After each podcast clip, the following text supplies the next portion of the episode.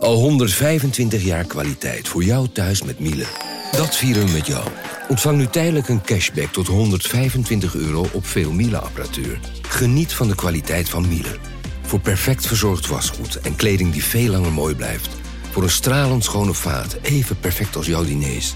En een stofvrij thuis waarin echt hygiënisch schoon de standaard is. Check miele.nl voor alle feestelijke aanbiedingen.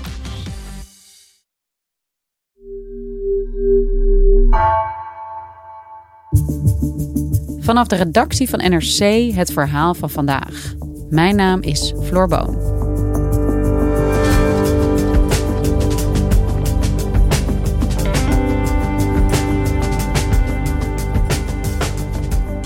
Hoe veilig is het om te werken bij de publieke omroep? Het rapport dat gisteren daarover werd gepubliceerd is hard en duidelijk, vertelt redacteur Wilfred Takke. Grensoverschrijdend gedrag is wijdverbreid en pesten en seksisme zijn aan de orde van de dag.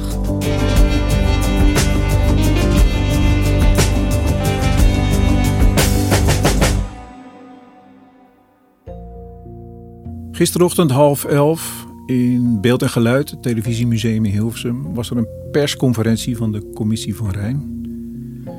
Die hebben het grensoverschrijdend gedrag in Hilversum onderzocht bij de publieke omroep. En daar een dik rapport over geschreven. Het was uh, vol, mensen zaten vol spanning erop te wachten. Niemand had het gelezen, het was niet uitgelekt. De commissie is geschrokken van de groep medewerkers die aangeven dat zij te maken hebben gehad met grensoverschrijdend gedrag en ook van de ernst van de beschreven gedragingen. Het was veel erger dan veel mensen, ik en anderen die dit volgen hadden verwacht. De commissie is onder de indruk van de moed van medewerkers en oud-medewerkers om zich richting de commissie uit te spreken en van hun openheid over de gevolgen die ze hebben ondervonden van hun ervaringen op de werkvloer. De gesprekken waren indringend en dikwijls emotioneel. De titel zegt al heel veel. De titel is niets gezien, niets gehoord, niets gedaan. En daar gaat het ook om. Het gaat niet alleen over grensoverschrijdend gedrag. Het gaat erom dat het gemeld is, jarenlang, en dat de leiding er niets mee heeft gedaan. Ja, want Wilfred, dit rapport kwam dus uit gisteren. Kun je iets meer vertellen over waar het ook weer vandaan kwam? Hè? Waarom is het geschreven? Waarom is er besloten om dit onderzoek te gaan uitvoeren? Het begon eigenlijk aan de overkant bij RTL. Want Tim Hofman heeft een online programma en daarin besteedde hij aandacht aan misstanden bij The Voice. Ja, hallo en welkom bij Boos. Je gaat kijken naar een uitzending over vermeend seksueel grensoverschrijdend gedrag en machtsmisbruik, gekoppeld aan talentenshow The Voice of Holland. Wat grote gevolgen. Het programma werd van de buis gehaald. Er werden allemaal beroemde namen werden genoemd. Maar Tim Hofman zit bij de BNNVARA. En bij BNNVARA bleken ze ook zoiets in huis te hebben. Dus de mensen die bij de Wereld Draait Door werkten, die trokken aan de bel. Van ja, we kunnen wel iemand anders de maat nemen, maar kijk eens even wat er bij onszelf gebeurt. Achter de schermen van het programma De Wereld Draait Door was sprake van een angstcultuur en structureel grensoverschrijdend gedrag. Dat concludeert de Volkskrant op basis van gesprekken met ruim 70 oud-medewerkers. Het Centraal Gezag, de NPO, heeft toen besloten om onderzoek daarnaar te doen en het veel breder te trekken. Van hoe is het bij alle omroepen, alle publieke omroepen. En daaroverheen kwam nog een nieuw artikel over misstanden bij NOS Sport.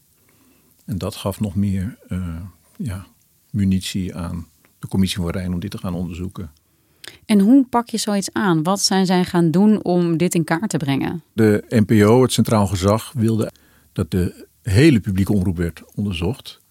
En dat is nogal wat. Er werken zo'n 8000 mensen, denk ik. Um, die werken ook niet allemaal netjes in één gebouw. Er zijn 13 verschillende omroepen. Dus hoe pak je dat aan? De commissie is begonnen met uh, een meldpunt. Maar dat is nog een vrij passieve manier. Dan moet je maar wachten wat er binnenkomt. Dus toen hebben ze via de omroepdirecteuren alle werknemers een vragenlijst toegestuurd. En 2500 mensen hebben daarop gereageerd. Ze hebben ook 130 documenten en regelingen bekeken om te kijken wat er al is aan uh, ja, opvang van klachten en hoe die behandeld worden. En daarnaast hebben ze nog 400 uur gesprekken gevoerd met medewerkers. En uiteindelijk hebben ze ook met directeuren en voorzitters gepraat. Ja, en de publicatie van het onderzoek is een aantal keer uitgesteld. Wat zijn nou de allerbelangrijkste bevindingen? Over de hele linie, de breedte van de publieke omroep, is er sprake van grensoverschrijdend gedrag. 1500 van de 2500 mensen zeggen dat ze grensoverschrijdend gedrag hebben meegemaakt of dat gezien hebben. De commissie splitst dat uit. Er is sprake van pestgedrag, intimiderend gedrag, van seksisme en discriminatie. En die vier vormen worden ook nog concreet gemaakt met allerlei termen die komen uit eh, hoe de mensen gereageerd hebben. Schreeuwcultuur, mensen de grond intrappen, gekleineerd worden, bij mensen thuis langsgaan, bij de keel grijpen van collega's, collega's in hun gezicht spugen.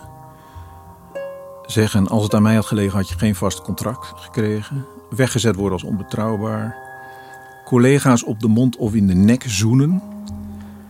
Collega's van top tot teen bekijken en dan dat ziet er goed uit zeggen. Seksuele grappen. Ze uitnodigen om mee te gaan naar natuurgebied om ze te versieren. Of zeggen ze functioneert niet, maar ik vind haar wel leuk om naar te kijken, dus ze mag blijven. Nou, dat zijn echt wel hele stevige ehm, misdragingen. Ja, ja ik, ik schrok daarvan. En dit vindt dan plaats op redacties waar de werkdruk sowieso al heel erg hoog is. Grote uitval, onrealistische verwachtingen van wat je kunt maken op een dag. En ja, als ze dan gingen klagen, dan werd dat ernstig ontmoedigd. Er werd niets gedaan met die klachten. En bovendien, het kon je je baan kosten, wat ook gebeurde. Dus de enige actie die werd ondernomen was dat de klager werd ontslagen of werd overgeplaatst. Of weggepest.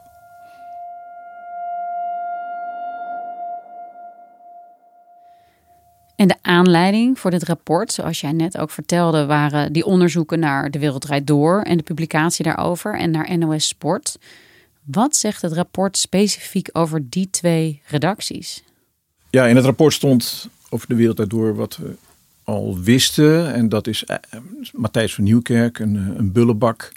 Met angst en beven werd gewacht tot hij laat in de middag kwam. En dan hadden ze eh, ja, verschillende redacteuren een item voorbereid. En dan ging je dat goedkeuren of volledig afbranden. En dan werd je zwaar vernederd, publiekelijk.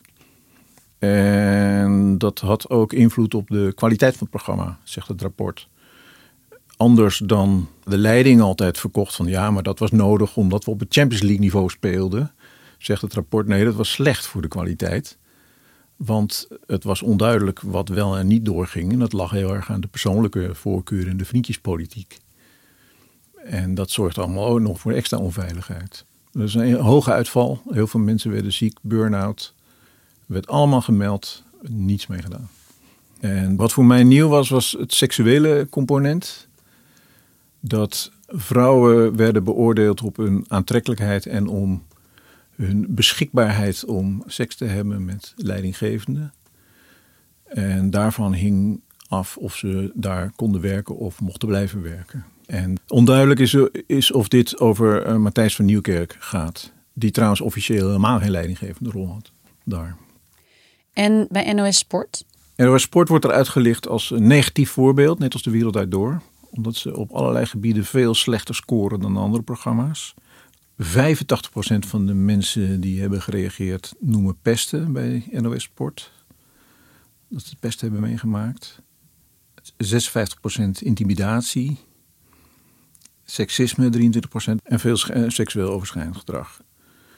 Vrouwen vertelden dat, ze, dat er op ze gejaagd werd, dat ze als loslopend wild werden gezien, dat ze zich als prooi voelden. Dat zijn uh, natuurlijk pittige kwalificaties. En van deze twee redacties was er al iets bekend? Waren er al publicaties geweest? Zijn er ook nog andere omroepen of programma's die ja, buitengewoon negatief aan bod komen in dit rapport van de Commissie van Rijn? Ze hebben NOS als in zijn geheel eruit gelicht. En naast NOS Sport NOS Nieuws. Omdat die NOS Nieuws ook slecht scoorde. op allerlei gebieden. Dus ook daar veel uh, pesten in de intimidatie en leidinggevenden die schreeuwen en mensen vernederen. En je ziet dus ook bepaalde vormen van uh, wangedrag die bij de hele publieke omroep voorkomen. Zoals uh, seksisme al genoemd, maar ook discriminatie. En dat is discriminatie eigenlijk van alle mensen die afwijken van de norm binnen de publieke omroep. Witte, heteronormatieve norm, zou ik zeggen. Dus dat gaat dan om mensen die gediscrimineerd worden door een lichamelijke beperking of omdat ze gay zijn. En mensen van kleur die zien dat er weinig ruimte is voor mensen die afwijken, eh, die anders zijn, die eh, ja, als minderwaardig worden behandeld eigenlijk. Enkele personen hebben zelfs meegemaakt dat er eh, racistische karikaturen worden verspreid. Of ze krijgen een racistische bijnaam, racistische grappen. En er wordt volgens medewerkers van kleur uh, vaak getwijfeld aan hun objectiviteit. En staat er ook iets in het rapport over wat de gevolgen zijn van al dit grensoverschrijdend gedrag voor degenen die daar slachtoffer van zijn geworden? Ja, uh, bijna allemaal hebben ze te maken met mentale klachten. En dat kan vrij ernstig zijn, zelfs fysieke klachten. Depressie, verminderd zelfvertrouwen, angst, zelfmoordgedachten. Ik vond het nogal ernstig. Ja, het zijn echt schokkende dingen die jij noemt. Hè, en die allemaal behoorlijk stevig staan omschreven in het rapport. Hoe kan zoiets nou gebeuren? Hoe kan zo'n cultuur van zo wijd verspreid, grensoverschrijdend gedrag zo lang bestaan? De commissie noemt dat een paar specifieke kenmerken van Hilversum. En eigenlijk als hoofdprobleem noemt de commissie incompetentie van de leiders. De mensen die benoemd worden, worden benoemd omdat ze goed zijn in journalistiek of goed zijn in presenteren of iets anders. Maar niet omdat ze goed zijn in leiding geven. Hoe ga je om met mensen? Werknemers werden onvoldoende als mensen beschouwd, stond er. Dat vond ik nogal wat. En ze zijn dus ook niet in staat om eh, dit allemaal te herkennen en te ondervangen en te reageren op klachten. En daarnaast, programma's zijn vaak onzeker of ze wel uh, door kunnen gaan. Dus je hebt eh, onzekerheid of je nog aan het werk kan blijven. En er wordt veel gewerkt met losse contracten of freelancers. Dus er is veel werkonzekerheid. En dat maakt het vaak ongelijk. En verder is de werkdruk enorm hoog. Dat is allemaal voedings, een voedingsbodem volgens de commissie voor grensoverschrijdend gedrag. Verder is de enorme competitie, concurrentie op alle niveaus. Dus van bovenaf, dus de NPO en de omroep, dus de omroepen onderling, met de commerciële omroepen, maar ook op de werkvloer. Het zijn hele gewilde banen. Werken in Hilversum, dat heeft iets. Dus de mensen die knokken elkaar ook de tent uit, zeg maar. En er is ook grote machtsongelijkheid. Dus je hebt bijvoorbeeld een presentator of een DJ. De Golden Boy wordt dat in het rapport genoemd. Degene die helemaal niet de leiding heeft, maar wel een informele macht heeft. Bijvoorbeeld omdat hij veel meer geld krijgt. Dus je hebt één zo'n Golden Boy en daaronder ja, allemaal mensen die een lage status hebben. En dat zorgt voor angst en dat zorgt ervoor dat je niet snel gaat klagen. En de mensen die wel melding maakten, hè, dat staat ook heel duidelijk in dit rapport, die werden dus structureel genegeerd. Ja, de bestuurders en de directeuren vonden het niet belangrijk. Uh, ja, wogen het anders. Dus bijvoorbeeld de, de Wereld Door is dat heel duidelijk. Dat was een heel goed scorend programma. Het kreeg heel erg veel lof. De presentator werd altijd de hemel ingeprezen. Dus dat moest beschermd worden. Dat gebeurde ook vanuit de NPO, die daar eigenlijk niets, niets mee te maken heeft. Die, uh, de directeur, Frans Klein, die, ging, die beschermde Matthijs van Nieuwkerk en die beschermde de wereld daardoor. Dus er mocht niet geklaagd worden. En dit rapport, dit ongelooflijk dikke en gedetailleerde en uitgebreide rapport, waar zoveel misstanden in staan, dat kan niemand natuurlijk zomaar naast zich neerleggen. Wat gaat er nu gebeuren? Ze doen eh, een hele hoop aanbevelingen, 14. Die gaan vooral over het leiderschap. dat dat beter begeleid en ingericht moet worden. Dat gaat over dat de NPO duidelijker moet zijn in welke programma's wanneer worden gemaakt. Er moeten veel meer vaste contracten komen, veel meer werkzekerheid voor de mensen die er werken. Ze vinden dat onderzocht moet worden hoe dat zit met presentatoren en die producenten die ja, een soort aparte macht vormen. Een informele macht binnen Hilversum. Hoe dat zit, hoe die geldstromen gaan. Want als je dus een presentator hebt die eh, heel erg veel geld krijgt, dan voelt hij zich al bijna als vanzelf verheven boven de mensen met wie hij moet werken. Ook al is hij niet eens de leidinggevende. Uh, dus daar moet een einde aan komen. Er staat ook in dat directeuren en bestuurders veel te lang blijven zitten. En dat ze zich daarom koningen in hun koninkrijk waan. Dus de aanbeveling is om twee keer een termijn van vier jaar te hanteren. En dan moet je weg. Maar dit zijn aanbevelingen op papier. Hè?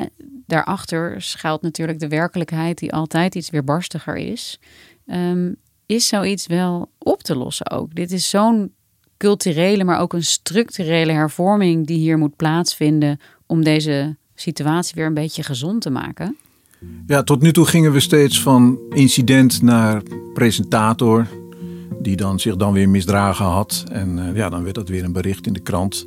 En dan gingen we weer verder. En nu is er eindelijk een rapport dat dat allemaal vastlegt in een structuur. Dit gaat over de hele structuur van grensoverschrijdend gedrag. En dan kun je dat dus ook structureel aan gaan pakken. En ik denk dat dat een eh, duidelijke opdracht is voor de NPO. En een duidelijke gedragscode opstellen. Dit is hoe je je gedraagt in Hilversum. En ook een duidelijke procedure als dat niet gebeurt. En transparant, dat als je weet dat als je een klacht hebt ingediend, hoe die behandeld wordt. Dat is denk ik heel belangrijk voor de, het gevoel van veiligheid.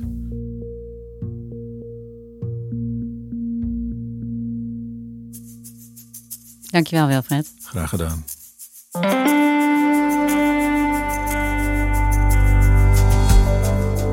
Je luisterde naar vandaag, een podcast van NRC. Eén verhaal, elke dag.